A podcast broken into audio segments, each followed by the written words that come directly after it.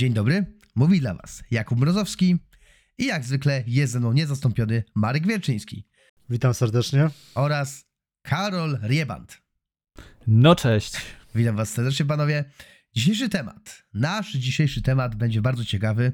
Mianowicie podsumujemy sobie całą dramę związaną ostatnio z Microsoftem i ich wydawaniem gier na inne konsole, typu właśnie PlayStation 5 i Switch.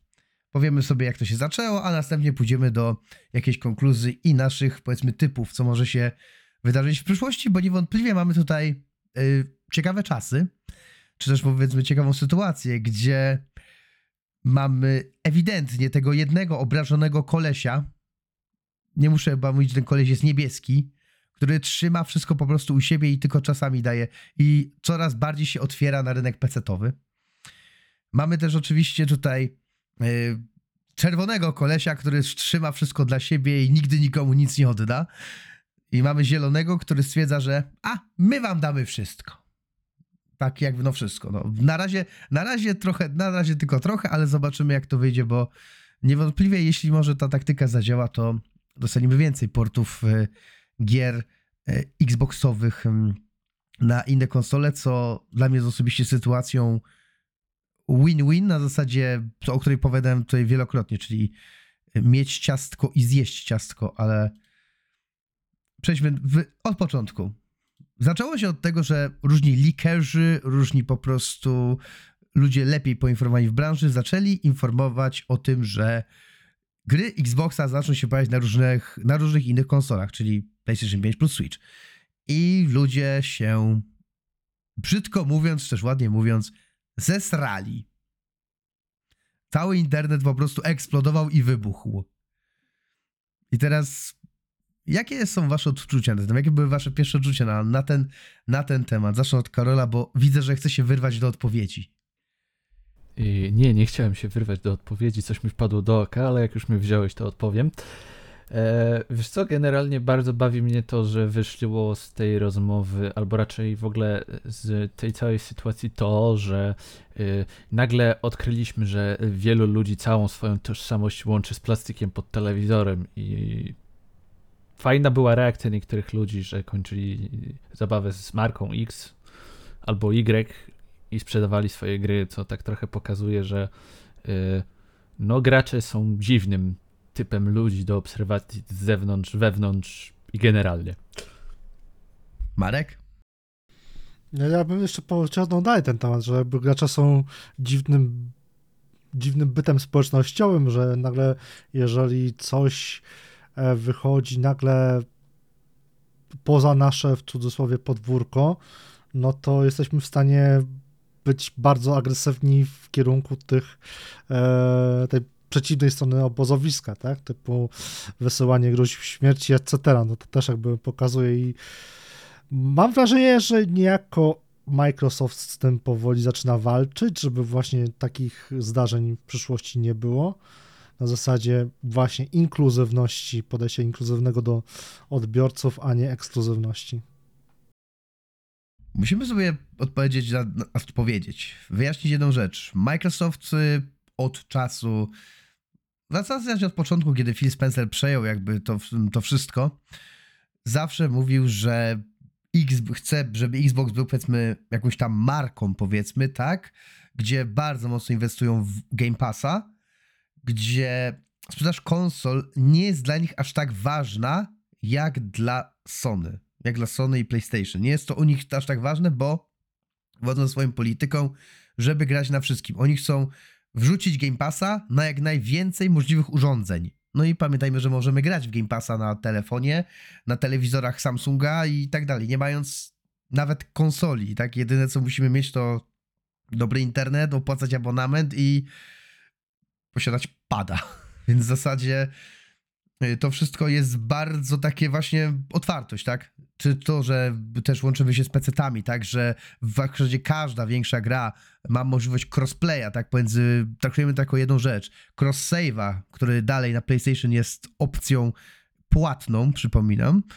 Jakby tutaj widzimy mega otwartość, to mi się bardzo podoba, która zawsze jakby przekonywała mnie do tego Xboxa, do posiadania go, przez to, że był właśnie kreował się, bo cały czas pamiętam, że to jest korporacja. No dobrze, tylko pamiętajmy też o tym, że za słowami muszą iść czyny i niejako tak, większość gier z Microsoftu pojawia się jakby, no wiadomo, no, na PC-tach, e, niby to jest osobna platforma, ale nie oszukujmy się, gro ludzi jednak gra na Windowsie, czyli Microsoft, ale jeżeli sięgniemy pamięcią do lat 90., początku, tak 94 rok ubiegłego stulecia, tudzież tysiąclecia, e, to przypomina mi się sytuacja z Segi i Sega Saturn, która skończyła swój żywot po 4 latach, bo właśnie Sega wówczas walczyła pierw z Nintendo, potem e, nawet całkiem dobrze sobie wówczas radziła, potem jakby próbowała przenieść się z automatów na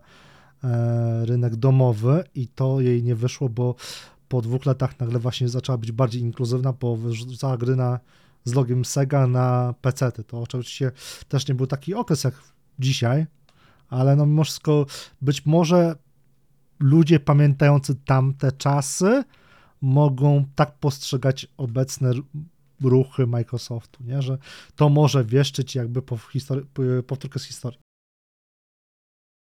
Że Microsoft stanie się jedynie producentem third party gier, a przestanie być producentem konsol.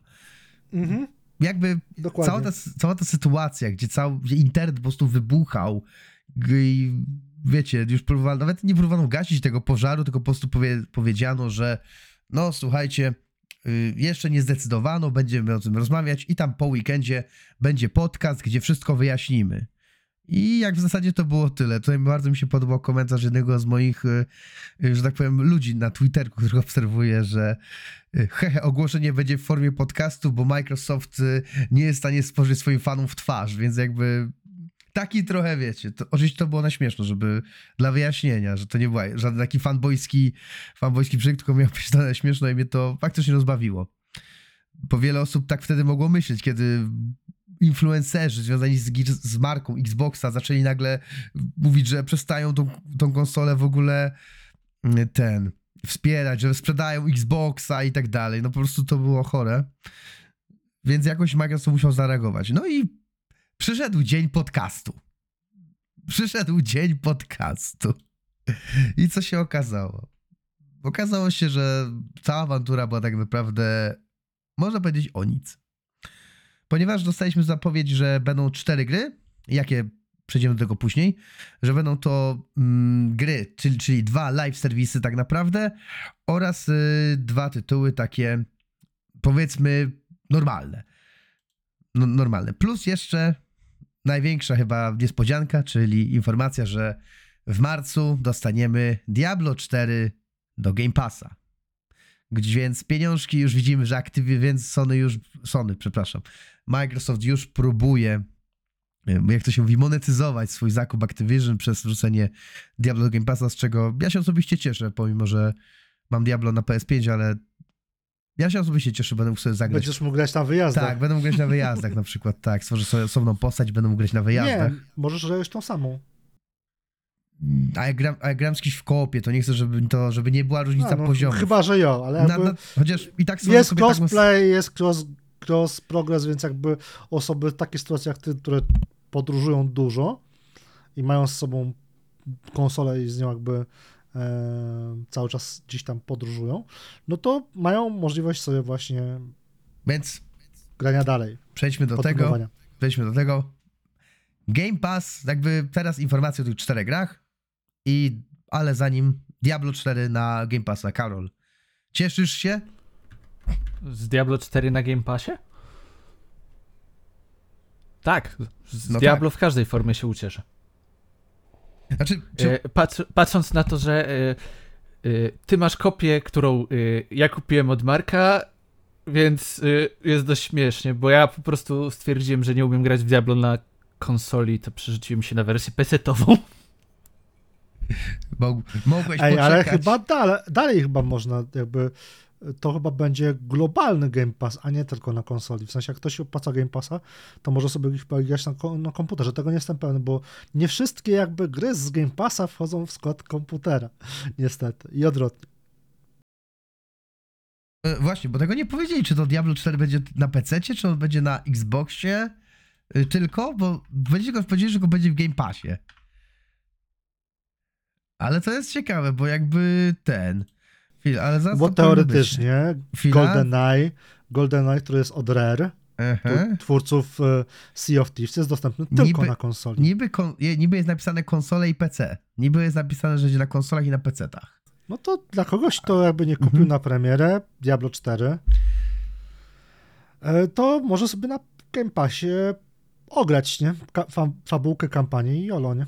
Znaczy, No, jak, 20 godzin. jak, tego, jak to postrzegacie, bo mnie to jakby ciekawi, z perspektywy gracza, który, no, ja jestem właśnie casualowym graczem w Diablo, gdzie właśnie przejść fabułkę i nara, ale pamiętajmy, że no, to jest gra usługa, tak, gdzie będą sezony, gdzie są sezony i tak dalej, i tak dalej. Jak myślicie, jak to może działać z dłuższej perspektywy czasu i tak dalej, bo jakby nie patrzeć, jest to bardzo duża, jest to duża rzecz dla samego Microsoftu, zarówno jak i właśnie dla Activision Blizzard, że już te pierwsze gry zaczynają wychodzić, więc zapytam was, co o tym, co o tym sądzicie i zacznę od Marka, bo wiem, że on jest tutaj ekspertem w tych sprawach diablowych, więc jak się na to... Znaczy, ja mam obecnie taki trochę problem z Diablo 4, ponieważ no, te sezony są bardzo nierówne, tak? Poprzedni sezon był całkiem przyjemny, nad nim go dość długo grałem, a w tym sezonie wbiłem ten setny level i nawet poza wbiciem sezon pasa to nic mi się jakby nie chce grać, ponieważ no, ten game loop i mechanika sezonu nowa totalnie jakby mi nie, pod, nie podeszły. Więc no to zależy, może powiem tak, wszystko zależy od tego, jaki wpływ Microsoft będzie miał na Blizzard i na zespół, który odpowiada za Diablo 4.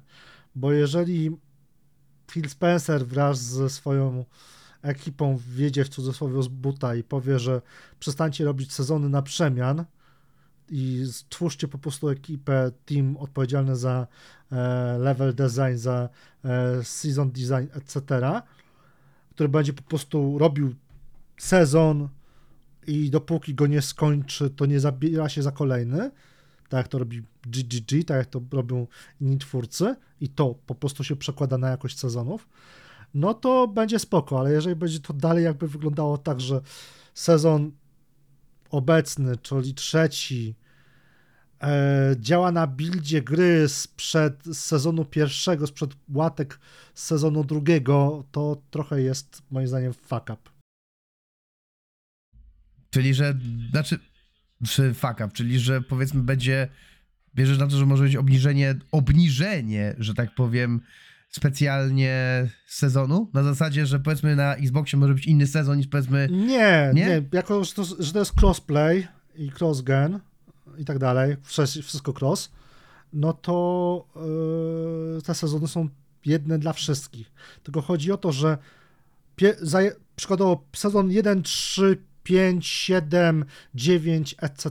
dalej, 11 i tak dalej, odpowiada jedna drużyna tworząca sezony, a za parzyste 2, 4, 6, 8, 10, 12 i tak dalej odpowiada drugi team de- deweloperów.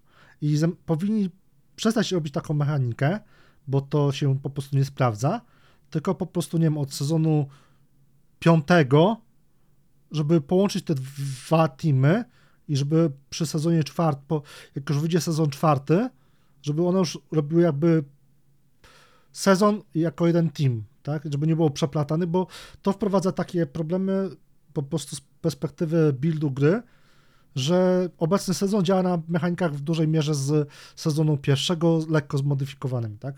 Nie uwzględniając większości jakby e, patchy i e, co więcej, bugi, które działały w pierwszym sezonie, były naprawione w drugim sezonie, a, działają dobra, znowu w trzecim sezonie. teraz rozumiem.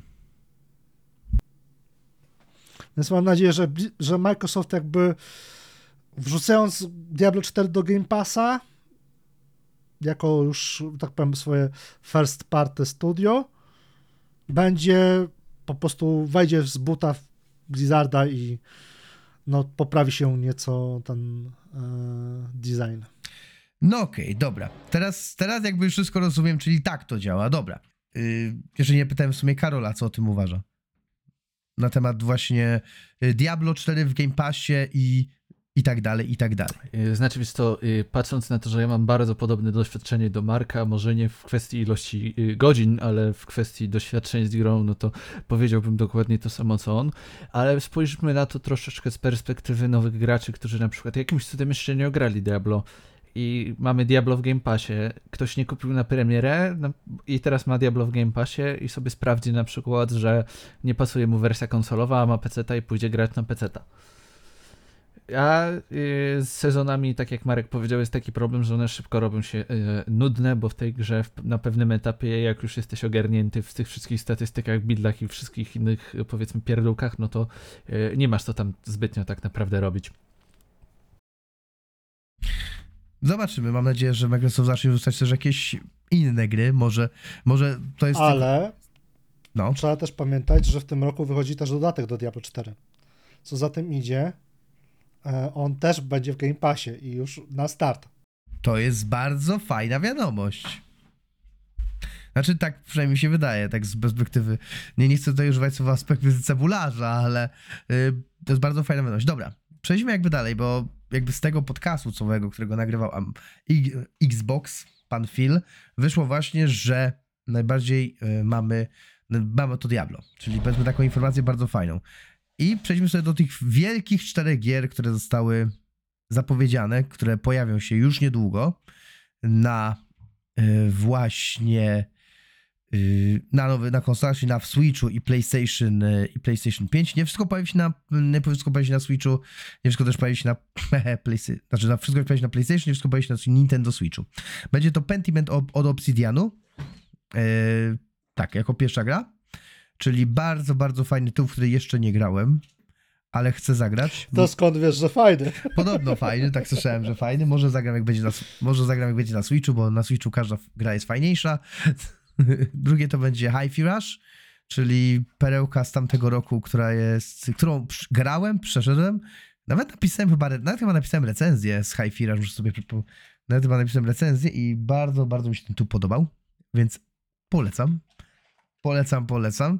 Y, I to też jest bardzo fajnie, że tu się pojawi. Grounded, czyli kolejna gra od Obsidianu, która jest grą usługą tak naprawdę, która też w nią nie grałem. Jakby w większość tych gier nie grałem, ale, ale powiedzmy, że mam nadzieję, że wy uzupełnicie tutaj y, moją niewiedzę swoją wiedzą. Więc Grounded oraz Sea of Thieves, czyli wielka piracka gra y, od Rare, która już pamięta czasy jeszcze Xboxa One'a.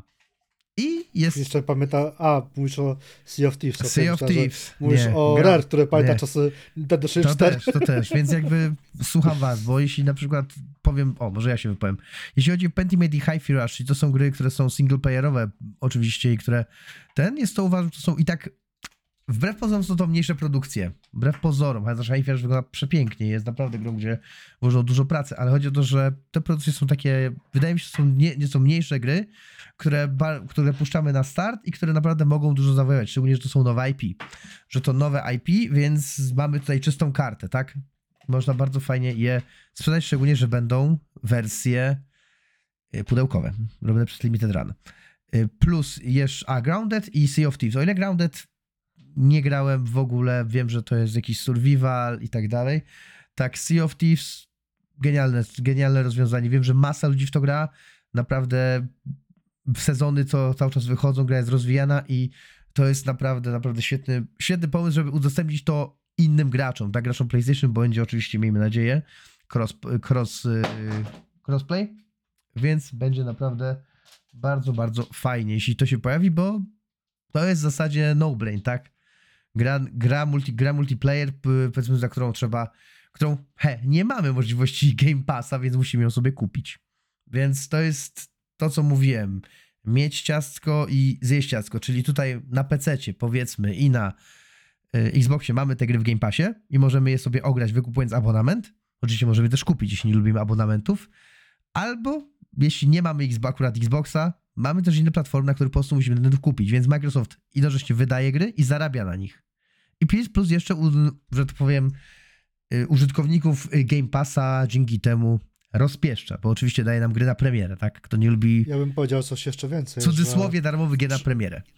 Że, że przez to, że mm, Microsoft jakby wydaje powoli tak gdy swoje u e, Sony przede wszystkim, bo tam Nintendo tak by inna para trochę kaloszy, ale przez to, że wyda takie Sea of Thieves i tak dalej, e, to może sprawić, że przykładowo kolejne gry od Rare, e, od Obsidianu i tak dalej, mogą sprawić, że ludzie z niebieskich zaczną kupić, kupać konsole zielonych, nie?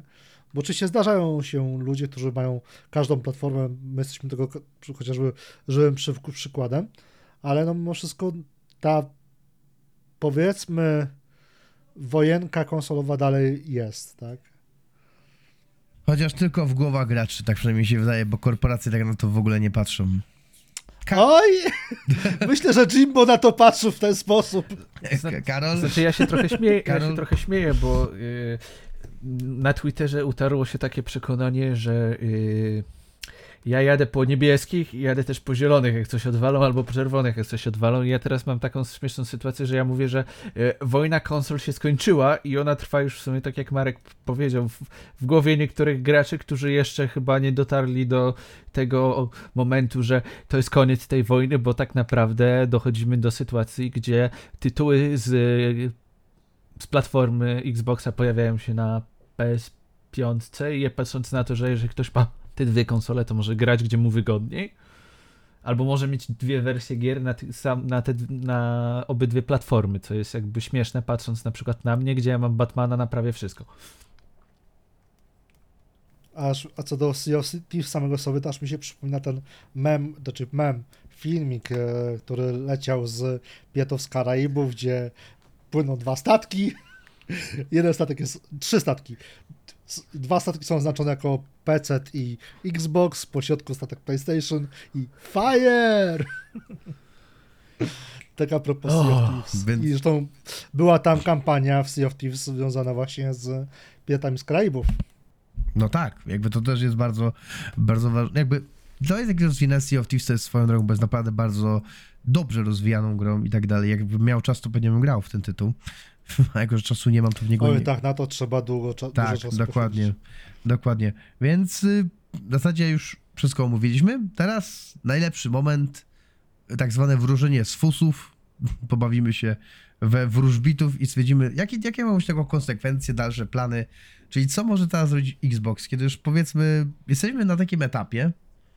Na pewno żyjemy w ciekawych czasach. To jest fakt, że właśnie y, Xbox, kto by w ogóle pomyślał, że Xbox zacznie wydawać swoje gry na, wiecie, na PlayStation, na PlayStation i na bo na Switchu to wydawali, już- już wcześniej wydawali jakieś tytuły, ale y, że teraz zaczną wydawać gry na PlayStation i kto wie, może doczekamy się w końcu jakiejś gry PlayStation na Xboxa, chociaż w to wątpię, chociaż w to wątpię, to kto wie, może, może, może.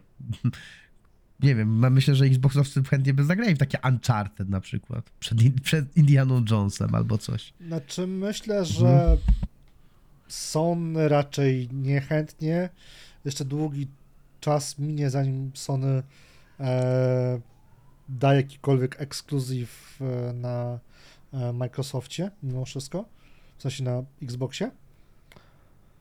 Bo jakby nie patrzeć, to mamy sytuację, że Sony też robi niejaką ekspansję w kierunku PC-owym, tak? I to są tytuły mniej więcej dwu, trzyletnie po e, które wchodzą z, z PlayStation na PC. Więc obstawiam, że raczej mm, jeżeli już Sony by miało dawać ekspansję na Xboxa, to dopiero w nowej generacji.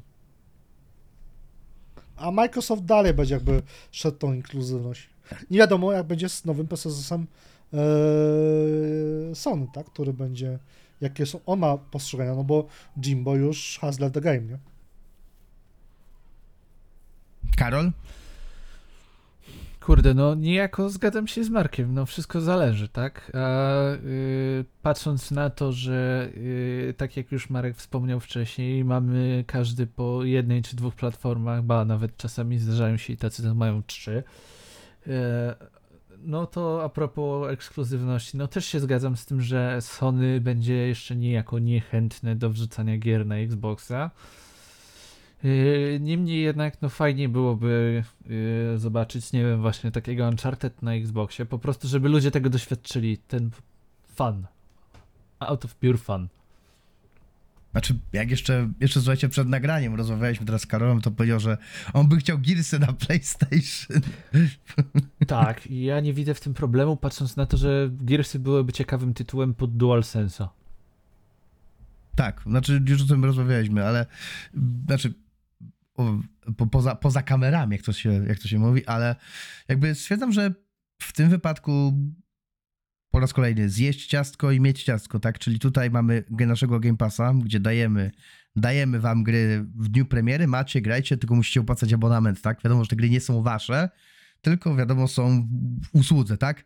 Jeśli chcecie, to oczywiście Zacznij- Zacznijmy od tego, że gry nigdy nie są nasze. Nawet jak sobie je kupisz czasami w pudełku, to nie są twoje. To nie jest teoretycznie twoja. W każdym, w każdym bądź razie, wracając jakby, więc, że masz tutaj grę w usłudze, tak, możesz sobie grać. O, dopóki ta, powiedzmy, z niej nie wyjdzie jako to, że to jest gra od naszego studia, to raczej nie opuści tej usługi nigdy. Y, A jeśli jest, powiedzmy, i to masz, jeśli powiedzmy masz PC-ta, czy masz Xboxa, tak? I mówmy sobie, większość Amerykanów na przykład ma konsolę, tak? Jakby my, jakby wiadomo, że Europejczycy bardziej się skupili na graniu na PC, chociaż, chociaż to oczywiście teraz jest, y, prawda, coraz bardziej też y, ekspansja na rynek PC-towy. To nie są czasy PlayStation 3, czy gdzie właśnie wiele gier omijało PC-ty z powodu wszechobe, wszeobecnego piractwa. Teraz jakby to wszystko jest nieco inne. Nieco mamy teraz No to inne też za czasy. sprawą jakby nie, jakby nie patrzeć Steama, tak? I e, wiecznego trybu online w postaci DRM. Więc y, jakby wracałem, ale jakby wracając do tej myśli, więc tutaj macie usługę, a jeśli gracie na innych platformach, macie PlayStation, nie ma problemu, macie tą grę, no ale musicie ją sobie kupić, tak? Musicie ją sobie normalnie kupić, czy to w formie fizycznej, czy to w wersji, prawda, płyty, czy to w formie cyfrowej, ale no macie, możecie sobie w nią zagrać, więc to jest dla mnie idealna sytuacja, ponieważ ludzie tak naprawdę, normalni ludzie, casuale, których pamiętajmy, że jest większość, że to, są, to, to jest większość graczy, tak? To nie są ludzie tacy jak my, którzy śledzą informacje codziennie, patrzą, patrzą i dla nich to jest niesamowita wiadomość. Dla nich to jest, o, ta gra wyszła na, o, ta gra wyszła na tą platformę, fajnie, sobie ją zagram, tak? Więc oni się po prostu nie patrzą na wojnę konsolową, co jest na czym, tylko po prostu, czy patrzą to, co ma znajomy, tak? Znajomy mówi mi, ej, to jest taka fajna gra, Pentiment, nie? Zagraj sobie. Yy, o, fajnie, a jest wersja na PlayStation? Jest. O, fajnie, to sobie zagram. Więc jakby, wiecie, tylko to wszystko ma naprawdę duże konsekwencje z jednego powodu. Ludzie zaczynają się, ludzie, czyli nie casuale, tylko gracze, powiedzmy, gracze, czyli ta mniejszość, ta mniejszość, która najbardziej krzyczy, że im coś nie pasuje, a potem okazuje się, że gra jest sukcesem i znowu przebija kolejne tabel i wybija kolejne tabelki, patrz Call of Duty. Elden Ring sprzeda się tylko w Tak. 3 milionach. To będzie, to będzie cud. Y, Pozdrawiamy tutaj y, byłego, jednego z byłych tutaj podcasterów, który tak, który tak stwierdził, a dzisiaj weszła informacja, że 24 miliony. Dziękuję. To tylko udowadnia y, wiedzę niektórych osób i ich znajomość branży. W każdym razie, y, i- idąc, idąc, dalej tym, y, idąc dalej tym tokiem rozumowania, ludzie z branży właśnie, czyli gracze, tacy, gracze już tacy jak my, tak jak mówiłem, zaczną się wtedy, wiecie, tak zastanawiać, tak myśleć na zasadzie, co wy, faktycznie co wybrać, tak? Czy na przykład co, co może się to, bo zresztą widzimy jaka, jaka, jaka bańka powstała, czy będzie kolejny Xbox, czy w ogóle yy, co będzie dalej, tak? Czy w ogóle rezygnują z konsol i ile dyskusji to potrafi wywołać i może o to Microsoftowi też chodzi, słuchajcie, o taką nie chcę używać słowa kontrowersja, ale taki szum wokół siebie na zasadzie hej, oni nie wiadomo, jaki będzie ich kolejny ruch na zasadzie. Dążą do tego, żeby grać na wszystkim, że nie ma tej wojny konsolowej i tak dalej, ale co oni tak naprawdę zrobią? I to jest z perspektywy tego ciekawe, tak? Bo Sony, co by nie patrzeć, jest nudne. Jest w tym momencie nudne, bo idzie utartym schematem już od czasu PlayStation 3, a tu, za, a tu z obozu zielonych jest ciekawie, bo nie wiadomo, jak to wszystko się potoczy. Tu tak? masz ARPG, tu masz e, platformera, tu masz coś, a w przypadku Sony masz cały czas, że tak powiem, cudzysłów, grę na jedno kopyto. Wiesz, Otwarty by- świat, półotwarty świat, trzecia osoba. Kto by, kto by się spodziewał? Znaczy, tutaj podam przykład właśnie Hi-Fi Rush i Pentimenta, bo to są bardzo dobre przykłady. I, i Sea of Thieves. Gra usługa o piratach. gra powiedzmy survivalowa o właśnie na podstawie kochanie zmniejszyłem dziecię, nawet y, nie wiem, y, no w zasadzie walki z owadami, tak? Z, gdzie jesteśmy w ogródku naszym małym i, y, i sobie walczymy, prawda, z owadami, bo my jesteśmy mali, a owady są naszego wzrostu. Dalej, Hi-Fi Rush, czyli bardzo specyficzna, ale jednak dobrze wykonana gra rytmicz, rytmiczny slasher, których nie znać, bo ciężko znaleźć taką drugą grę jak Hi-Fi Rush, ciężko jest znaleźć, powiedzmy w klimacie jeszcze takim jakim jest i Pentiment, które samo już swoim stylem graficznym, hej, co jest, wydał to Obsydian, to wygląda jak, to jest gra w ogóle, wiecie, RPG jakiś detektywistyczny i tak dalej, a w, i wydał to y, Obsydian, a gra wygląda jak jakieś bohomazy z, z czasów średniowiecza. To są wszystko gry, które są ciekawe, interesujące w jakiś sposób, które sprawiają, że ej, może tam jest w co grać. Tam na zasadzie takiego budowania świadomości, że Xbox ma ciekawe gry. Idę, idę już taką nawet, słuchajcie, myślą. Więc teraz słucham was. Karol, czy może trochę y, odpłynąłem w swoich, y, w swoich domyśl, domysłach? Znaczy, zgubiłem się w połowie twojej wypowiedzi, bo troszeczkę dla Dzięki. mnie za chaotyczne było. Y, nie, wiesz co, tak się po prostu też zacząłem zastanawiać o tym, jak wspomniałeś, że trafia się sytuacja, gdzie może, y, tak jak kiedyś om- omawialiśmy to w jednym z odcinków, że y, jak się rodzi fanboy danej platformy, to teraz mam takie wrażenie, że teraz będzie śmieszna sytuacja, przy, przynajmniej nie wiemy nic o nowych konsolach, tak? To załóżmy, że ktoś, kto dzisiaj miał PS5, y, może się ucieszy z tego, że właśnie przychodzi Hi-Fi Rush na PS5, tak? I ogra sobie coś, co chciało grać na Xboxie i może właśnie na przykład Hi-Fi Rush spowoduje, że pójdzie i kupi Xboxa. To jest tak, bo, bo idąc moją myślą, ej, bo na tym Xboxie są całkiem fajne gry, a na Game Passie mam te wszystkie gry w dniu premiery za cudzys, cudzysłowie, za darmo, tak?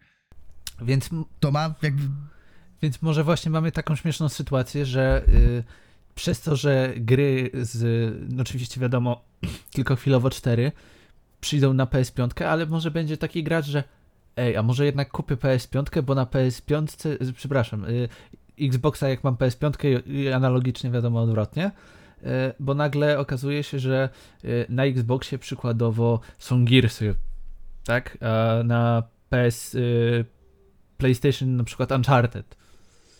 I generalnie wszystko sprowadzi się do tego, że ktoś, kto gra, będzie miał następne tytuły do ogrania. Zwłaszcza po Indianie Jonesie, który jakby nie patrzeć jest pierwowzorem, oczywiście mówię gameplayowym, tylko e, fabularnym do e, wszelakich typu Lara Croft, Tomb, Rai- Tomb Raider i właśnie Uncharted, tak więc można potem iść w ty, tym kierunku, tylko ja bym po, poszedł trochę o krok dalej, myślę, że e, może za sprawą e, właśnie Hi-Fi Rush, Sea of Thieves, etc., gracze po stronie niebieskiej przestaną mówić typu e, ta gierka do Game Passa, no bo jakby nie patrzeć, grają w gierkę z Game Passa, tak? Mhm. Tylko która do nich trafiła za pełną cenę. Mhm. I w, może w końcu się przestanie takie teksty y, być wypowiadane w stylu, że e, Game Pass ma tylko słabe gry, no bo jakby nie patrzeć, Hi-Fi Rush y, podbiło serca graczy z marszu, jak tylko wyszło. Na zasadzie nawet nie, było, nie miała kogoś takiego wielkiego marketingu, bo przecież ono było zapowiedziane i tego samego chyba dnia, jeżeli dobrze pamiętam, było już możliwe do ogrania, więc y, nie potrzeba wcale mieć marketingu w stylu wiemy o grze na 3 lata do przodu, że taka gra powstaje. Wystarczy, że po prostu będzie to dobra gra. Interesująca. Jeśli kogoś to interesuje, obecnie ma e, średnią o 87 na Xboxie i na PC 90. Jeśli chodzi o Hi-Fi Rush. Więc to jest, myślę, że możemy powiedzieć, że to jest dobry, że to jest dobry tytuł, a nawet bardzo dobry tytuł. Wiesz co, no, Okej. no generalnie jeszcze tak przypomnę sobie przykład Hadesa. Yy, wiem, to troszeczkę inna sytua- sytuacja jakby, Ale Nie, ja się śmieję, bo mamy ze Speedem właśnie jakby Znaczy, taką osobistą... znam, Masz- znam tą Czy my- historię, znam tą historię. historię. Ale czy my ją kiedyś opowiadaliśmy na, na podcaście? Opowiadaliśmy chyba. Tak, kiedyś chyba ze dwa razy. Tak, ale właśnie, właśnie to był taki przykład takiej gry, która e, no e, usłyszeli oni, że wychodzi na przykład na Switcha i nagle wzięła szturmem wszystkich, potem weszła na konsolę i wszyscy się w niej zakochali, a potem jeszcze na pecety i właśnie e, ja jakoś Efekt tak, domina. ja ujmę to tak. Ja przespałem y, Hadesa i po prostu autentycznie jakoś mnie właśnie marketing tej gry ominął strasznie. I tak wstaję rano po tym jak Hades wyszedł, to takie, ej, w co ludzie grają? I tak patrzę Hades. I tak patrzę, ty no zarąbiście. I tak się skończyło, że mam Hadesa na wszystkich platformach. To tak jak z tym, z... E, jak to się nazywa? Z e, Vampire Survivor, Tak. nie? Też w pewnym momencie po prostu, nawet pomimo tego, że Vampire Survivor, już tak abstrahując jakby od głównego tematu, e, już miało trochę czasu za sobą, no bo ono wyszło z, niecały rok temu, ale nie wiem, z 2-3 miesiące temu pisałem artykuł, artykuł o recenzję właśnie o Vampire i w ogóle to trochę wypaleniu, no to przecież nagle cała bańka twitterowa, wszyscy, których mam w obserwowanych grali w Vampire Survival, nie? Teraz mamy tego. Teraz mamy tak chyba z Helldivers dwójką nawet. No, Że jest ten efekt jakby tej kuli śnieżnej, tak? Mhm. Więc może, kto wie, może to, może Helldivers 2 będzie pierwszą grą, która zawita na Xboxa. Właśnie, bo ludzie są po prostu w tej grze jak na razie zakochani. Czy ktoś chciałby coś was dodać jeszcze? Chcielibyście coś jeszcze dodać do naszej wypowiedzi? No. Myślę, że kości zostały Tak, rzucone. nie ma sensu, nie ma sensu przedłużać, więc my wam dziękuję bardzo za słuchanie naszego odcinka podcastu. Mówi dla was Jakub Brozowski, Marek Wierczyński Trzymajcie się, cześć. oraz Karol Rieband. do następnego.